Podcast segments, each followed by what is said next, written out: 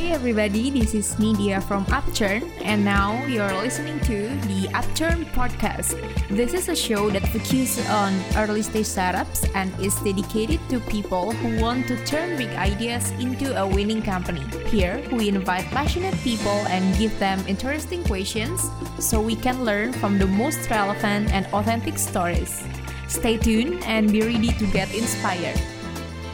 Karena sometimes ketika kita cuman fokus on the skills ya s- ya to be honest sekarang orang-orang pinter-pinter banget gitu loh. They're even smarter than me gitu. Tapi satu attitude dan juga untuk culture-nya sesuai nggak sih?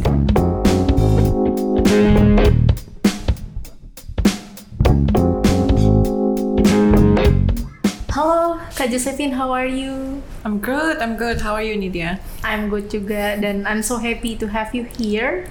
Dan gimana eh, tadi dari kantor ke sini macet gak? a bit I think Jakarta udah crowded lagi ya for now Oke, so guys, sekarang kita lagi sama eh, Kak Josephine. Kak Josephine ini adalah Chief Strategy Officer-nya Lingo Talk. Kita bakal bakal apa ya banyak bahas tentang edtech, eh, about building eh, businessnya juga, maintaining the business, especially yang lebih menarik juga tentang background Kak Josephine karena she came from a low background and then sekarang tiba-tiba di edtech which is quite far dan boleh banyak cerita tentang itu ya nanti. boleh So, mungkin before we start, you can just introduce yourself dulu. Oke, buat apa nih? Kalau di Upturn pendengarnya kita nyebutnya apa nih? Upturn buddies. Upturners, I don't know. Oke, Upturners. uh, teman-teman Upturn. Teman-teman Upturn, oke. Um, so jadi kenalin, kayak yang dikenalin dia tadi, nama aku Josephine. Uh, aku benar lulus dari FHUI, Fakultas Hukum Universitas Indonesia.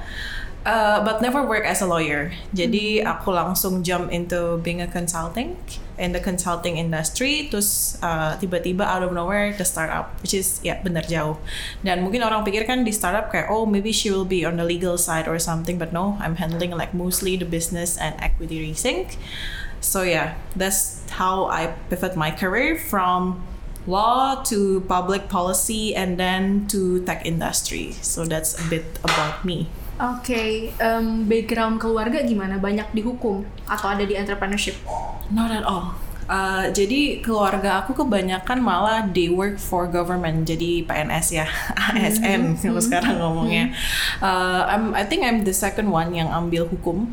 Uh, tapi dari dulu memang dipengeninya adalah uh, background keluarga kebanyakan di akuntansi, manajemen, ekonomi, but dari SD aku merasa bahwa I'm not really good with math and I don't like counting things. Uh, so ya aku lebih suka untuk yang social. Akhirnya aku menantang arus dan ambil hukum di UI waktu itu. Oke, ini menarik banget. By the way, aku juga dulu di UI, ilmu komunikasi.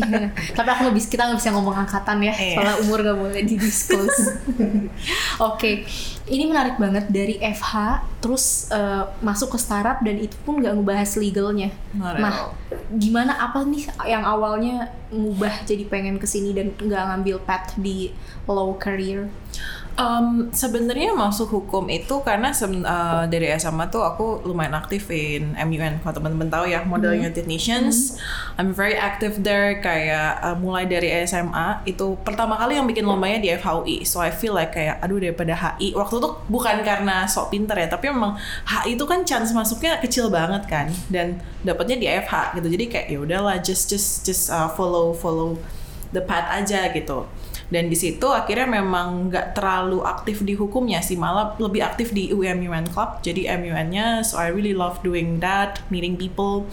Um, terus aku juga ngambilnya konsentrasi kebetulan business law.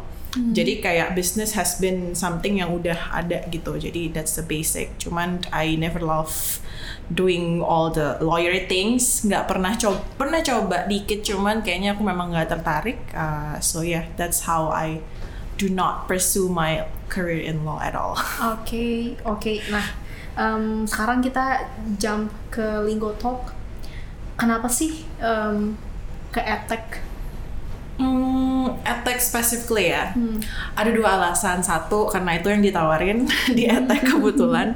Kedua memang aku punya I have passion in teaching sih dari dulu. Uh, I love I love kids. Uh, jadi aku dari SMA udah tergabung dalam one of the leadership uh, di di sekolah. Terus kita tiap minggu kita pergi ke Bantar Gebang untuk ngajarin anak-anak ya anak-anak pemulung or something like that. And I feel like kayak um, when I give something ketika aku memberikan sesuatu ngajarin mereka sesimpel kayak kita belajar origami it gives me joy. Jadi kayak aku merasa bahwa ya there is a ship yang ditawarin kayak yuk naik ke attack ya why not? gitu. Dan I mean I feel we're still young so let's just like figure out things before we hit the big three Hmm, Oke. Ah, um, terus sekarang kita pengen bahas tentang Linggo Talk nih. Um, jadi apa sih di Linggo Talk? Peranannya apa dan ngapain gitu? Oke, ya mungkin buat teman-teman Upturn uh, CSO itu hal yang mungkin belum lumayan terkenal ya di startup apalagi di Indonesia, mungkin di Asia. Jadi Chief Strategy Officer itu sebenarnya kayak kalau gampangnya itu second strikernya CEO. Kan makanya kalau di- ditanyain job desk-nya ngapain, fundraising iya, uh, bikinin strategi iya, PNL juga iya. Jadi sebenarnya we are um, responsible for everything even produk kayak I have to make sure bahwa produk itu sesuai dengan yang diinginkan market. Tapi aku tidak accountable. Nggak kayak misalkan COO dia kan accountable PNL CPO dia accountable product. CSO itu like I'm everywhere uh, dan membantu di mana kayak how can we uh, hack the growth gitu. Jadi istilahnya memang kalau CEO-nya lagi ngapain ya CSO-nya mungkin have to do the business gitu. Atau sometimes fundraising yang ketiga ini aku juga tandeman gitu. Itu sih I think a bit of CSO emang agak abstrak cuman mungkin you might consider that in your startup. Hmm, itu kayak bagian konsultansinya gitu atau gimana jatuhnya?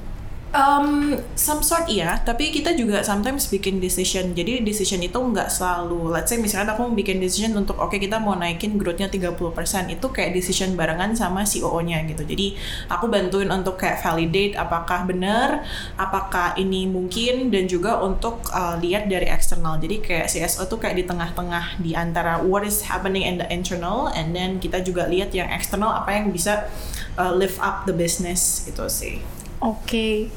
Nah, em, sekarang kita pengen bahas juga nih, kenapa sih Linggo Talk itu mesti dibikin em, problem apa yang pengen di solve, pain points-nya tuh apa, missionnya juga. I see. Jadi sebenarnya we started di kita mulai di tahun 2020 di saat pandemi, which is a bit odd.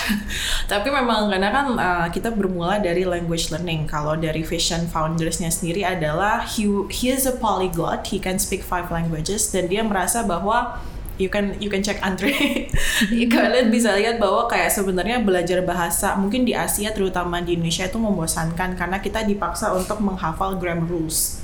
Uh, jadi dari situ kita bermula bahwa pembelajaran itu harusnya dibuat secara terpersonalisasi. Jadi kayak ketika aku dan Nidia dan Bintang kita punya cara belajar yang berbeda. Kita nggak bisa dijadiin di satu kelas dan diharapkan untuk mendapatkan nilai 90 dengan cara pembelajaran yang sama. So that's the mission. Cuman uh, seiring berjalannya waktu, Linggo Talk sekarang memang lebih fokus ke untuk sekolah gitu karena kita melihat bahwa oh ya a lot of people yang memang fokus on the higher education tapi sebenarnya untuk pendidikan sendiri kita lupa nih pondasinya anak-anak umur 3 sampai 12 tahun. They have a golden age untuk belajar kan? Jadi sebenarnya itu salah satu yang kita memang shift ke situ. Kita bikin untuk kita partnering with schools.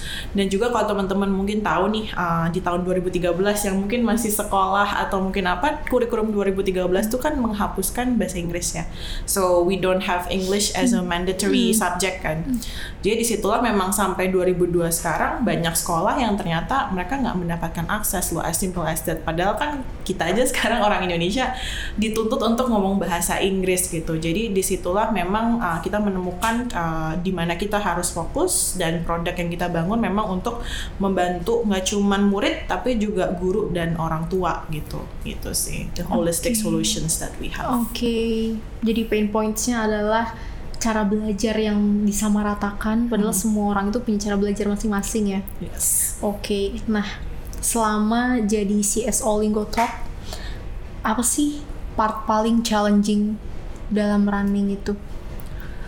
paling challenging of course ketika runway-nya udah mau habis itu sangat challenging itu Iya. itu akan sangat challenging ya apalagi teman-teman uh, upturn yang early kebanyakan early stage founders kalian mungkin kalau masih mau baru akan ngeris gitu. Kalian akan merasakan bahwa nggak tahu kenapa ya ketika kita mau nge-raise kita dituntut untuk mengeluarkan produk baru. Jadi we have to like stand on the new product yang mungkin produk market fitnya baru 20% hmm. tapi runway kita mungkin kayak waktu itu tinggal sebulan. I don't like. Cuman mikir kayak oke okay, how can we do this gitu? Karena kan memang that's the thing gitu yang happen. I think itu sangat challenging karena Uh, kita dituntut untuk kreatif ya dan uh, what I like about Lingo Talk anak-anaknya juga kayak mereka itu sangat-sangat apa ya uh, peduli gitu. We care about each other. Jadi kayak instead of kayak oh nanti gimana nih gue mau di lay off atau gue mm. mau diba nggak dibayar or something they focus on kayak yuk gimana kita mau mau lihat di mana yang kita bisa perbaikin or something like that. Jadi I think um, it's it's challenging akan selalu challenging even sekarang mungkin aku akan di ada di saat yang challenging juga when I do this podcast gitu because mm. I'm gonna race again mm. with a short runway in the winter time for startup mm. so ya yeah, menurut aku challenging itu selalu ketika equity racing karena kalau internal kan kita selalu tahu ya istilahnya ya we know lah business maybe it's hard but ketika kita racing adalah kita harus menjelaskan sesuatu ke orang yang mungkin baru kenal kita gitu atau baru ketemu kan cuman cold calling kayak hey can we have a pitching hmm. or something like hmm. that dan itu menurut aku lebih menguras energi sih uh, for for mungkin nanti buat founders founders yang merasakan equity racing ketika kita udah selesai meeting jam 5 sore you just want to sleep like udah capek banget gitu kayak you have to defend your business you have to like defend everything dan kayak convincing the other uh, person at the same time oke okay. mm, terus how did you solve it lagi momen-momen kayak berat-berat kayak sekarang gitu. I think aku selalu punya prinsip bahwa the thing is like uh, kalau teman-teman tahu prinsip kita dikasih ujian nih pas sekolah gitu. Mm -hmm. Kok dari TK, SD, SMP kan akan semakin susah kan. I always think kayak ya ketika itu semakin susah we will get uh, bigger things gitu. Karena kalau fokus on the negativity apalagi teman-teman founders yang akan akan ngerasa kayak why am I building this from the first place? gitu kan. Kalian akan merasa bahwa oh it's very hard. Tapi ketika kalian berpikir bahwa uh, oke okay, um, on the other side akan baik gitu kayak kita akan fokus on that gitu. Karena aku juga pernah uh, di Square One yang merasa kayak ini uh, kenapa sih gue ke startup?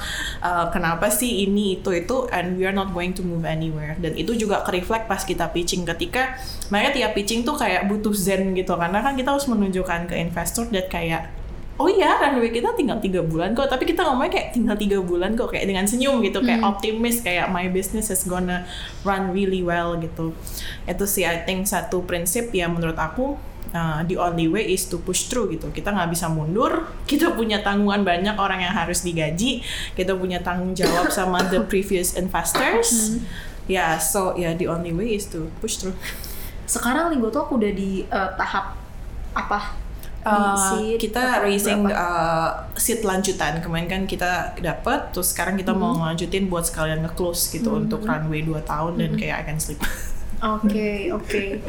Um, Sebenarnya aku ada yang mau ditanya nih opini Kak Josephine terkait bubble burst yang kemarin okay. banyak diomongin cuman kayaknya abis pertanyaan ini aja iya, gitu. Oke, okay, aku mau nanya juga in running startup pasti banget ada kesalahan yang pernah kita lakuin entah kita sebagai pribadi atau BOD gitu ya atau mungkin seluruh timnya apa sih kesalahan yang paling penting yang Kak Josephine pelajarin sama tim? Kesalahan yang paling penting menurut aku di early stage itu bukan marketnya, bukan kayak you are running out of money, but lebih ke alignment dalam tim. Mungkin uh, aku akan bicara dari hal yang apa ya cukup fundamental buat teman-teman dan juga I mean orang kan selalu membahas startup oh it's all about the market it's all about the investor the big things. Tapi yang harus kita tahu adalah diri kita sendiri. Menurut aku kita harus stay relevant gitu. Karena um, dulu kan Linggoto kita punya beberapa segmen ya dari anak kecil, dari corporate or something. Dan akhirnya karena nggak pernah align jadi kayak banyak gitu. Dan akhirnya ketika something happen uh, kita lupa bahwa oh we are a team karena kita nggak align kita nggak coba untuk benar-benar ngerti nih sebenarnya kita visinya mau ke mana gitu. Sampai akhirnya kayak sering clash gitu kayak kebanyakan yang sering clash mungkin yang kalian dengar di e-commerce tuh produk semua bisnis tuh kalau clash tuh udah rusuh gitu kan. Hmm. tapi it happens gitu lah. Dan sampai akhirnya memang waktu itu uh, ya something happen with the system gue ngedown lah. Sebulan gak bisa dipakai. Jadi kayak gimana dong ini kayak deliver kelasnya. It's it's something yang menurut aku bisa kalau kita tidak mementingkan ego ya karena to be honest ya startup tuh isinya mostly anak muda ya Hmm. ego itu Hmm. aku pun juga mungkin punya ego gitu loh tapi ketika kita duduk bareng dan kayak oke nggak usah salah-salahan gimana kita maju ke depan gitu karena kadang-kadang kalau mungkin lihat fail- failure rate-nya startup tuh kan nomor dua sebenarnya tentang tim. Pertama oke uang ya, kalau running out of money bangkrut. Kedua adalah tim kayak satu mungkin cabut or everything gitu. Jadi menurut aku itu kesalahan yang kita setiap quarter perbaiki, kita lebih align, kita punya oke gimana sih supaya produk dan bisnis ini nggak gontok-gontokan, gimana sih secara company wide, even secara on the BOD level berantem itu bukan hal yang jarang gitu. Kayak pasti terjadi almost like every day. But I think ya the point adalah gimana kita kalau orang Jawa bilangnya legowo dan ya udah kita cari uh, solusi yang terbaik gitu sih. Dan sebenarnya berantem antara co-founder itu justru healthy ya. it's sometimes it's healthy but sometimes kayak aduh capek banget gitu. Karena kalau misalkan masalahnya yang memang urgent dan mungkin ada satu kesalahan ya it's okay. Tapi kalau misalkan yang uh, yang I think kita kesering keselip personal juga kan sometimes. Jadi itu yang kadang-kadang bikin aduh 20% energinya habis buat itu gitu sih. It's healthy but ya kadang-kadang orang berpi orang kan bilang kan kayak jangan takut konflik jangan takut ini but sometimes ya you have to suck it up gitu loh kayak ya konflik tuh bagus untuk uh, konstruktif tapi kan kita harus bekerja gitu loh jadi itu sih sebenarnya yang harus balance lah Kalau kebanyakan drama juga kawan kerjanya. Iya capek gitu. nanti jadi bikin sinetron tersanjung bukan startup. Oke. Tadi em, Kak Jasim itu sempat mention hal utama, ya, maksudnya problem pertama yang bikin banyak startup gagal itu dari segi finances. Nah, I want to hear your stories, your journey of fundraising dong dari awal. Berarti kan apakah lewat bootstrap perjuangannya gimana sampai sekarang? Kayaknya udah beberapa kali eh, fundraise gitu. Yang pertama pasti bootstrap lah ya. Kita kan bukan apa namanya yang langsung mendadak wow hebat sekali gitu kayak jadi bootstrap uh, habis itu mungkin di situ growth-nya agak lambat lah ya karena kan kayak meluncurkan bahkan dulu mulainya dari web web based application kan belum belum ada applications kita mulai dari situ. Terus baru ya of course after that friends and family kan which is kayak di situ kita mulai bisa bangkit lah. Terus habis itu kita ngeris ngeris kita kan ikut juga in uh, dulu zaman zaman apa sih acceleratornya startup studio yang punya kominfo I think that's a life changing sih dari awal uh, untuk itu. Karena kan juga upturn dan semua itu belum ada gitu di tahun 2020 ya yang paling deket itu kan. Um, kita bahkan nggak tahu ah YC YC itu apa ya? Kayak kita aku bukan dari orang startup juga kan di situ uh, sebenarnya akhirnya kita menemukan uh, oke kita harus racing nih kalau mau mau dapetin let's say growth yang lebih tinggi gitu. I think di situ aku mulai dari connections gitu karena kebetulan ada temen beberapa temen aku juga yang meskipun mereka dari hukum juga di actually work in VC gitu. Jadi kayak sama lah beloknya nggak mau jadi lawyer gitu. Dimulai dari situ bikin deck pertama kali bener-bener um, karena kan aku decknya consulting banget ya it's long dan sedangkan kalau pitching itu it has to be short and sweet gitu kan dan gimana akhirnya kayak figure out gimana caranya pitching, gimana caranya ketemu investor. We didn't have mentor at all. Jadi kayak we figure out everything by ourselves sampai akhirnya dapet uh, through one of the accelerators I guess. It's either dari punya backup atau BCA. Someone kayak out of nowhere, it's a angel investor kan yang pertama masuk kayak tertarik, terus uh, it's uh, it's a fast process sih kalau angel ya baru akhirnya kita uh, racing lagi untuk yang uh, institutions gitu dan mostly kita dapetnya dari Singaporean uh, companies gitu akhirnya sekarang kita mau racing lagi. Karena of course uh, kita kalau mungkin dari aku buat teman-teman founders adalah ketika kalian mau racing kalian juga harus tahu nih untuk uh, runway-nya. Karena runway itu kalau bisa dilebihin tiga bulan deh untuk bernafas gitu. Karena we never know kan. Kayak sekarang kita sebenarnya udah di set everything is good terus tiba-tiba out of no- out of nowhere ada si winter ini. Nggak kayak di bulan Mei terus kita bingung. Padahal tuh saat kita udah selesai mau nge-race yang lanjutan gitu. Jadi fundraising is hard um, but choose your heart gitu. Kayak ya kalau kalian mau misalnya gini heartnya adalah kadang-kadang ketika kita merasa aduh investor ini ofensif banget sih. Itu itu itu kerasa loh kayak di awal kaget kan. Uh, I mean kalau being rejected is something else but ketika kayak you don't know me and then you uh, apa namanya? Judge.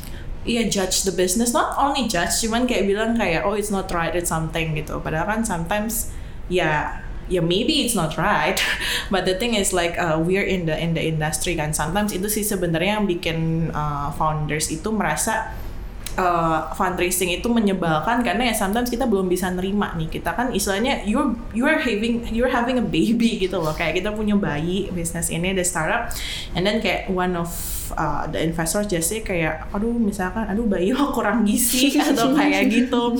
Jadi semacam itu sih uh, tapi menurut aku semakin lama semakin lama ya the more kita di crush gitu kayak ya udah kayak it's it's we are thriving anyways gitu. Jadi itu sih sebenarnya the hard part buat teman-teman Oke. Apa pengalaman yang paling memorable waktu zaman-zaman racing dulu? Uh, I think yang baru kemarin sih di bulan Januari, it's like yang aku bilang tinggal satu bulan. Kita cuman bengong doang di office bertiga, terus kita kayak, guys kita harus gimana ya? Karena tuh semua udah dilakukan gitu loh, kayak kita udah mulai nge-set fundraising tuh kita selalu at least 6 bulan sebelumnya atau tiga bulan sebelumnya, but for some reason susah banget gitu. Terus uh, kita udah sampai siap ya udahlah kita siap uh, menggadaikan sesuatu gitu. Tuh biasanya kayak being a founder is not kayak yang kalian lihat kayak oh kita naik Mercy enggak gitu. Kayak mungkin tuh yang udah seri A seri B ya because they uh, can gain that atau yang exit. Tapi sebenarnya kalau sekarang itu kita lebih mikir gimana gaji orang sih as simple as that. Kita nggak lagi mikirin bahwa kayak ketika nggak bisa racing gimana gue makan besok gue akan gimana but we think kayak ini orang ini kita gajinya gimana? So dari dari situ uh, kita udah kayak yaudahlah kita udah siap nih apa pun yang terjadi tetap tetap working on the racing. Dan sehari eh sehari tuh bisa pitching tuh like tiga tiga calls gitu sampai udah sampai bisa inget gitu loh kayak tidur tuh ngigonya pitching kayaknya. To be honest kayak lingo talk is whatever it is. And then sampai akhirnya tiba-tiba the money comes in. Karena kan uh, kita memang masuk di iteratif kan. Mereka yang mungkin hampir sama kayak upturn lah ya untuk yang di inject equity di awal juga while kayak perfecting the business and everything.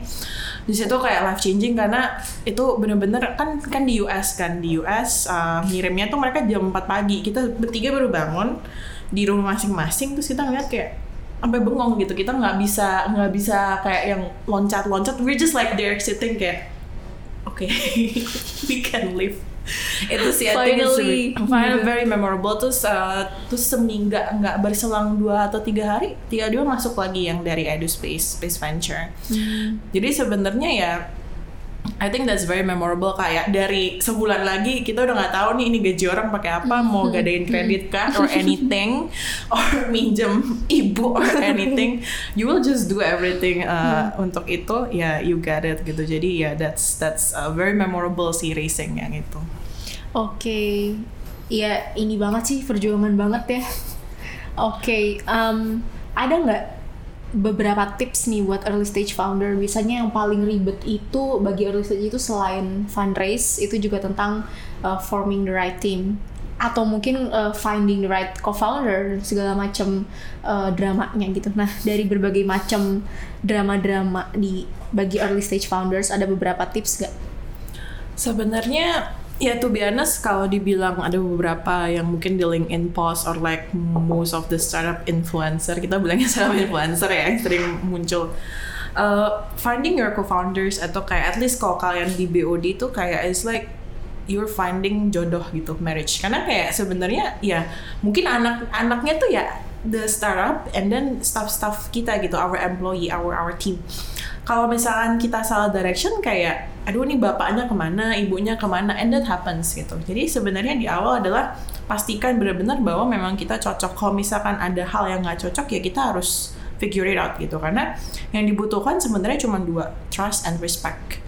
Um, trust itu sangat penting karena ya ya kita bekerja berdua atau bertiga or maybe yang ada berempat gitu. And we are running on a very big uh, company ya istilahnya high risk kan. Kita megang misalkan duit orang gitu. Kalau misalnya nggak ada trust kan kita akan selalu mikir kayak eh duitnya ke mana? or something like that gitu. Or kayak as simple as uh, bisa trust nggak sih ketika dia ngejalanin di domain bisnis oke okay nggak sih? Jadi that kind of things. Sama yang pasti respect. Nah respect itu sebenarnya aku lihat bahwa it's it has to be earned gitu. Karena ketika kita saling earn the respect kita akan bener-bener jalan nggak akan saling mencampuri gitu. Karena oke okay, untuk sebagai co-founders atau BOD kita cepet tanggap iya. Tapi sometimes kita juga harus tahu orang punya ranahnya sendiri-sendiri gitu. Jadi jangan sampai ya tanggung renteng. Tanggung renteng itu kadang-kadang yang malah bikin berantakan di akhir gitu kan. So ketika kita forming the team kita harus benar-benar tahu nih ini orang mau sengesel-ngeselinnya kita bisa nggak terima ya kayak kayak kayak pernikahan kan hmm. kayak either if I if I were to choose my uh, future husband ya mau dia ngeselin mau ini ya I have to be with him gitu hmm. kan kita juga pasti teman-teman ada founders agreement kan so that hmm. one thing ketika kita udah beresin di situ bener-bener diberesin baru kita bisa bener forming the right team gitu karena kan let's say uh, different uh, co-founders atau yang orang sit di BOD mereka punya preference orang cara kerjanya beda-beda kan.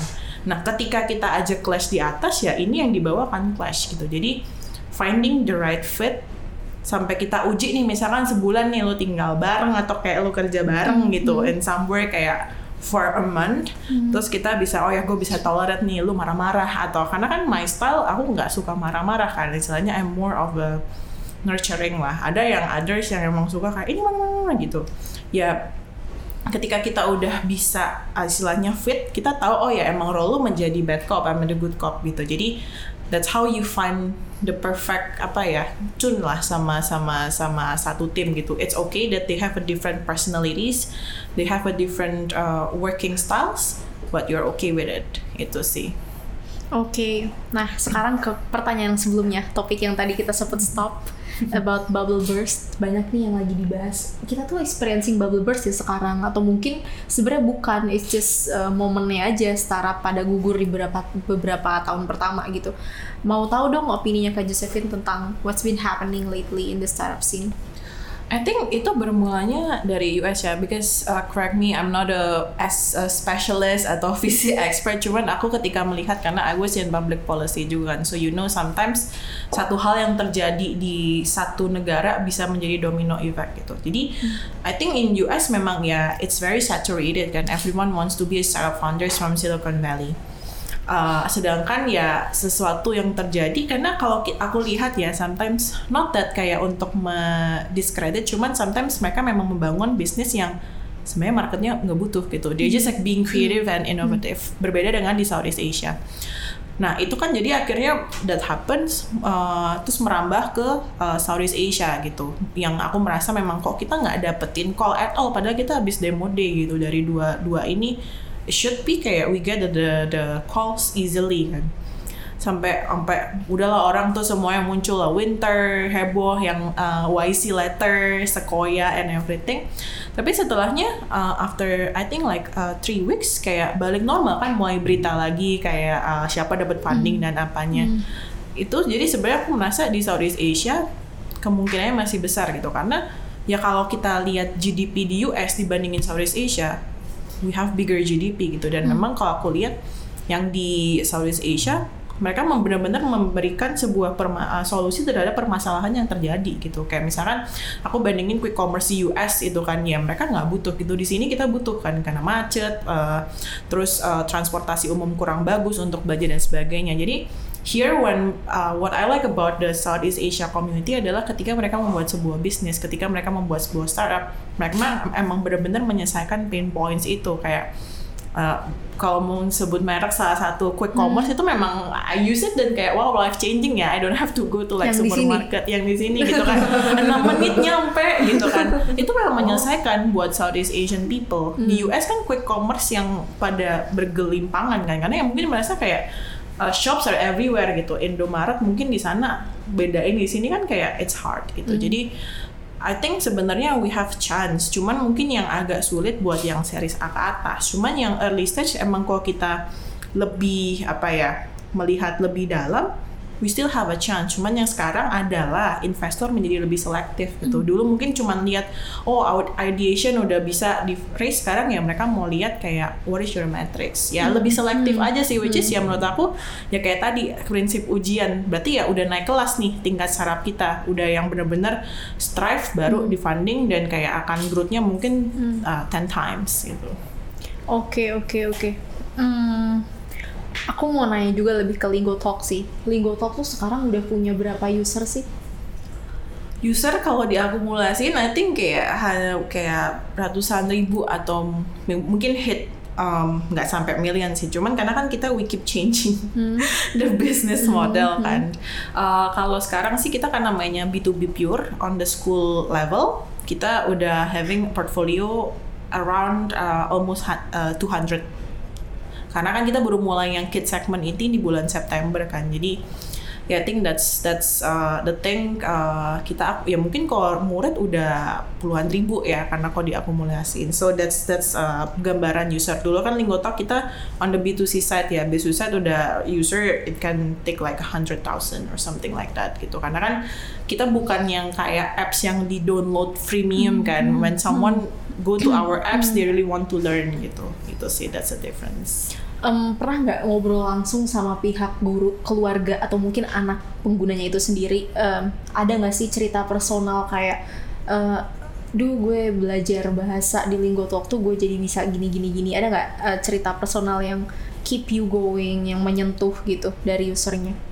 I think ada dua ya. Mungkin di awal pas ban- baru banget aku masuk ke Lingo Talk full time di April 2021, kan kita masih punya beberapa untuk adult learning itu IELTS TOEFL ya. Which is dan kita kan memang fokusnya on the affordability karena kok kita lihat di beberapa providers itu mahal banget.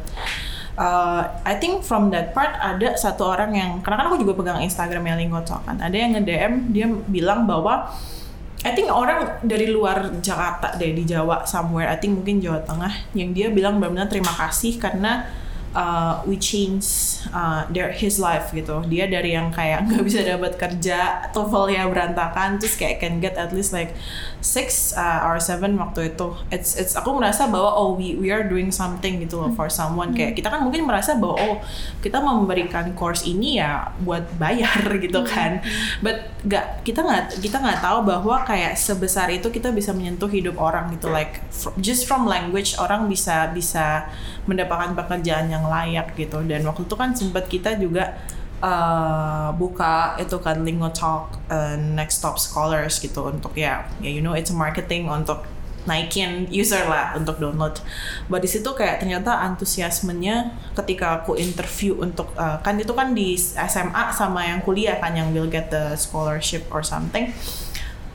Ketika aku ngomong sama mereka, kebanyakan mereka tuh dari luar uh, luar Jakarta lah, pokoknya Jawa yang berbes or something yang kayak koneksi aja susah gitu. Dan mendengarkan cerita mereka bahwa di ekosistem mereka sendiri itu mereka pengen maju. Tapi ketika mereka coba ngomong bahasa Inggris tuh mereka benar-benar dijudge gitu loh. Kayak ngapain sih ngomong bahasa Inggris? Dan dia cerita benar-benar betapa sedihnya dia gitu. Dan itu aku merasa bahwa why do I have to keep going? Karena ya that kind of things itu bisa diatasi gitu. Dan more people akan lebih merasa terbantu. Karena kan kita beda ya dengan dengan let's say we are not education technology itu bukan cuman profitability. But we are also about social impact gitu. Dan I think um, the third one adalah ketika mau launching Lingo Junior. Lingo Junior itu kan yang untuk 3 sampai 12 itu waktu itu aku ada FGD sama ibu-ibu. Mendengarkan pain points mereka bahwa kayak ada yang bilang I'm afraid that anak gue nggak bisa bersaing I'm afraid that I cannot give uh, a good education for my kids gitu. Kayak waduh gue belum punya anak sih. Tapi kayak ngerasa kerasa gitu loh. Kayak ketika ibu seorang ibu takut gitu. Kayak what if anak gue nggak bisa ngomong bahasa Inggris? What if anak gue dibully nih? Nggak nggak bisa ngomong bahasa Inggris yang layak. Dan saat itu lagi pandemi kan. Jadi kayak anak-anak di rumah orang tua merasa bahwa oh, it- it's really hard gitu. So dari situ kita aku, aku merasa bahwa oke let's let's um, build a Lingo Junior product yang akan membantu orang tua juga gitu. Di situ si Cikal bakal akhirnya kita benar-benar fokus on the on the kids dulu karena ternyata yang butuh dibantu itu malah anak-anak dulu gitu. Karena let's say kita seumuran aku gitu yang 15 sampai 35, kita bisa mencari dengan gampang gitu akses. Kita mau ke mana kita mau online apa dapat ads murah kita bisa kursus tapi anak-anak ini gimana so I think that's that's what keep me going sih for for this Okay, we of course want to make the business sustainable, right? Um, dan salah satu hal yang bikin sebuah startup sustainable itu selain finances adalah team. Do you have any tips for the early stage founders? Uh, gimana sih cara nge-hire support system tim yang bener gitu? Tadi kan kita ngomongin ke founder, nah sekarang timnya orang seperti apa sih yang perlu dipercaya gitu? I think sebenarnya mulai dari kita menentukan hiring kriteria ya. Karena orang selalu pikir oh cari yang bagus, cari yang pinter, mungkin lulusan X, Y, Z or everything. Tapi sebenarnya kita harus duduk bareng. Makanya tadi untuk uh, ada POD untuk duduk bareng untuk menentukan what kind of uh, team that we want. What kind istilahnya kalau dalam dalam keluarga ini keluarganya mau kayak gimana sih yang orang tuanya bener-bener main sama anaknya tiap hari atau orang tuanya yang kerja doang gitu. So dari situ kan kita dapat nih, oke okay, kita istilahnya untuk kriteria itu gampang, tapi untuk kita melihat nih satu tabel, what is the best fit for Lingo Talk? Nah itu yang harus diakses saat rekrutmen gitu, karena sometimes ketika kita cuman fokus on the skills, ya ya to be honest sekarang orang-orang pinter-pinter banget gitu loh, they're even smarter than me gitu, tapi satu attitude dan juga untuk culture-nya sesuai nggak sih? Karena ketika kita memasakkan nih orang pinter banget, tapi culture-nya nggak sesuai atau kadang kitanya bisa menyesuaikan ke dia, tapi ke dianya merasa left out gitu. Dan di situlah kadang-kadang yang menjadikan friction. Sedangkan kan tim tuh kayak istilahnya membuat apa ya adonan tuh jangan beronggak gitu kan pasti either nanti ada yang rusak atau apa tapi harus kayak ibaratnya donat donat atau cake tuh yang bener-bener solid gitu. Karena whatever happen mau dilempar dia nggak akan crack dia nggak akan terjadi apa pun. So I think that's how uh, kita harus melihat the apa namanya fit atau enggak kalau kita cuma melihat skills ya kalian nyebarin aja di LinkedIn or something like a thousand people will apply and they're all smart. Hmm. tapi ketika kita yang lupa kadang-kadang oh kita berkaca bisa nggak sih kita kerja sama dia? Atau kalau dibalik bisa nggak sih dia kerja sama kita dari situ? Nah dari situ kan kita akan menemukan bahwa oh ini yang cocok nih untuk bekerja bareng gitu. Ya ya jadi kayak apa ya? Jadi kayak psikolog juga gitu. Kita harus melihat nih cocok nggak sih secara emotional uh, maturity antara si A dan manajer B gitu ya. But that's that's the that's the art sih sebenarnya of building a team. It's not just kayak building the A team by like having thousand smart people. Itu sih. Oke. okay. So, how do you see Lingo Talk in the next 5 to 10 years? Kayak do you do you have any target pengen nambah user berapa persen, jadi berapa the next 5 tahun gitu? I think I just want Lingo Talk to be the top of mind sih untuk orang tua gitu. Like after 5 years emang ada perubahan. Karena kan sebenarnya kenapa juga kita masuk ke sekolah yang terjadi di Indonesia adalah attainment rate itu sangat rendah gitu. Jadi mereka nggak merasa engage karena kan kita dipaksa untuk tadi ngikutin satu kurikulum yang sama, mau grammar hafalin sampai muntah sok hmm. gitu. Tapi akhirnya mereka nggak merasa seneng gitu. Dan di situlah yang membuat sometimes di Indonesia orang tuh males untuk sekolah kayak udahlah gue jadi businessman aja gitu. Nah tapi the more businessman yang nggak ada istilahnya pendidikan karakter juga kan kita di di sekolah itu atau kayak at least dia mengerti nih uh, the system itulah yang kadang-kadang bikin mungkin celaka gitu kan because they never know sebenarnya seperti apa sih rasanya sekolah. Because semakin lama semakin banyak orang yang males gitu. Nah gimana sih Linggotalk ini? Kan selain kita pengen efisiensi pembelajaran we want to make learning fun juga gitu. Dari anak kecil dari dia masuk ke playgroup dia udah kayak mom I love learning. So I think that kind of thing yang I want to hear in the next five years that more people love learning. Bukan jadi kutu buku ya tapi kayak they just love it gitu loh. Kayak mereka karena kan itu juga akan menaikkan taraf hidup semua orang gitu. Like kalau kalau aku sih kema kemarin kan kita nge-frame-nya bahwa kayak orang tua itu frustasi loh karena in, at least English ya. English itu kan sekarang jadi hal yang bare minimum ya buat orang-orang untuk dapat kerjaan atau dapat istilahnya universitas yang bagus. Dan uh, it's very shocking ketika aku audiensi sama beberapa let's say daerah di Jakarta. Nggak usah deh di luar Jakarta. Ternyata banyak banget loh yang nggak bisa ngomong. Nggak karena mereka nggak mendapatkan akses itu gitu. So I think the reach harus lebih lebih luas sih in the next five years. Karena kalau buat aku yang mungkin is different from the other BOD di Lingotang ketika kita emang fokus on the user on the customer and uh, we are solving their problem the profitability profitability akan ngikutin gitu. Karena ya in edu uh, the unique part tentang edtech adalah yang kita lihat tuh adalah stickiness. Gimana sih dia stick to our product stick to our values stick to our learnings Nah kalau misalkan dia sticky kan dia akan return, dia akan ngasih tahu ke tahu pas lebaran mungkin dia bilangnya gue pakai Linggotok. That kind of thing sebenarnya yang akan menjamin. Oke, okay. kalau misalkan kita tadi kan sempat bilang um, I want uh, in the next five years anak-anak jadi kayak I love learning gitu. Berani nyebut gak berapa user pengennya the next five years? Kalau total sekolah di Indonesia 351 ribu Nah, di Pulau Jawa sama Sumatera kan like 59%, setengahnya aja. Setengah sekolah aja dari 351 ribu itu becoming uh, the true Lingo Talk user.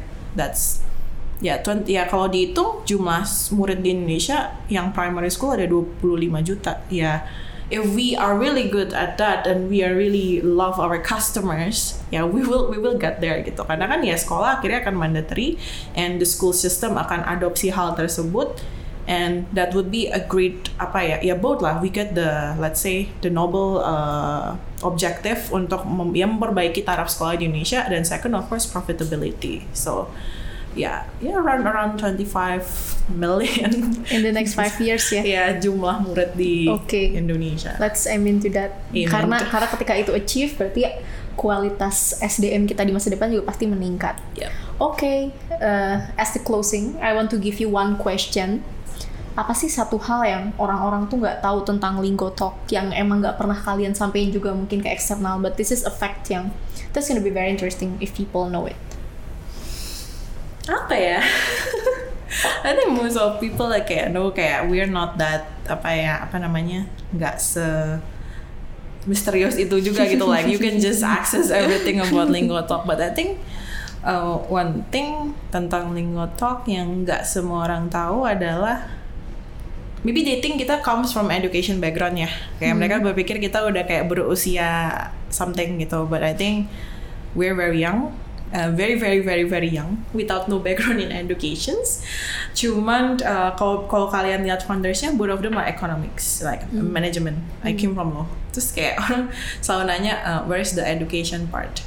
But I think um, dari situ juga selain memberikan the fun fact yang nggak ada, itu juga untuk nge-encourage others bahwa regardless of your background kalau emang kita benar-benar mau solve the problem bisa kayak aku juga berkaca diri aku like I think ketika aku in the law school kayak tadi aku mempunyai uh, sugesti bahwa I'm bad at numbers I cannot count but after that I actually handle PNL for six months hmm. jadi kan kayak sebenarnya you can do yang sebenarnya orang bilang nggak bisa tuh bisa loh itu hmm. I think the fun fact lagi apa ya if I if I may ask you a question, jadi cara cara Linggo Talk nyusun kurikulumnya tuh gimana dengan uh, background yang variatif ini?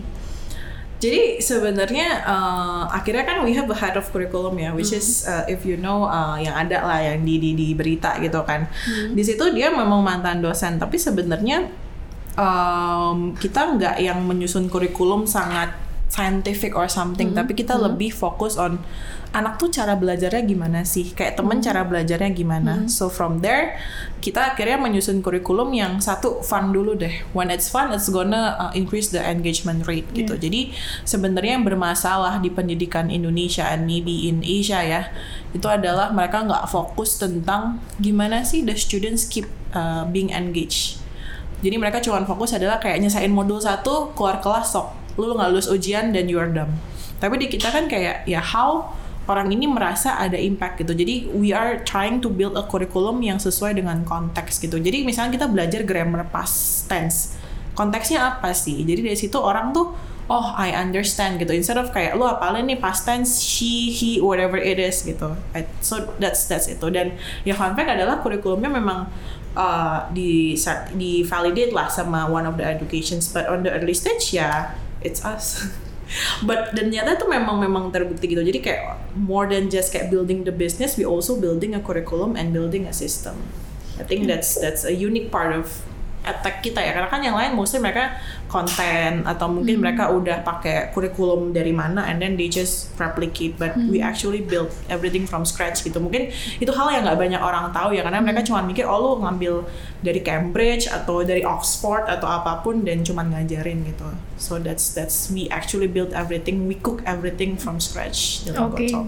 So something yang orang nggak tahu tentang Linggo Talk adalah kurikulum yang kalian buat itu bener-bener tailored uh, kebutuhan marketnya. Yep. Jadi nggak nge-replicate dari mana-mana. It depends on the market needs. Yep. Okay, that's it. That's it from today. Thank you for your time. Um, it was nice talking to you. So itu guys uh, diskusi kita sama Kak Josephine, uh, seorang yang sangat apa ya berambisi untuk meningkatkan kualitas pendidikan anak-anak di Indonesia. Thank you Kak Josephine. Thank you. It's so fun to have you here. Oh, thanks. Thanks.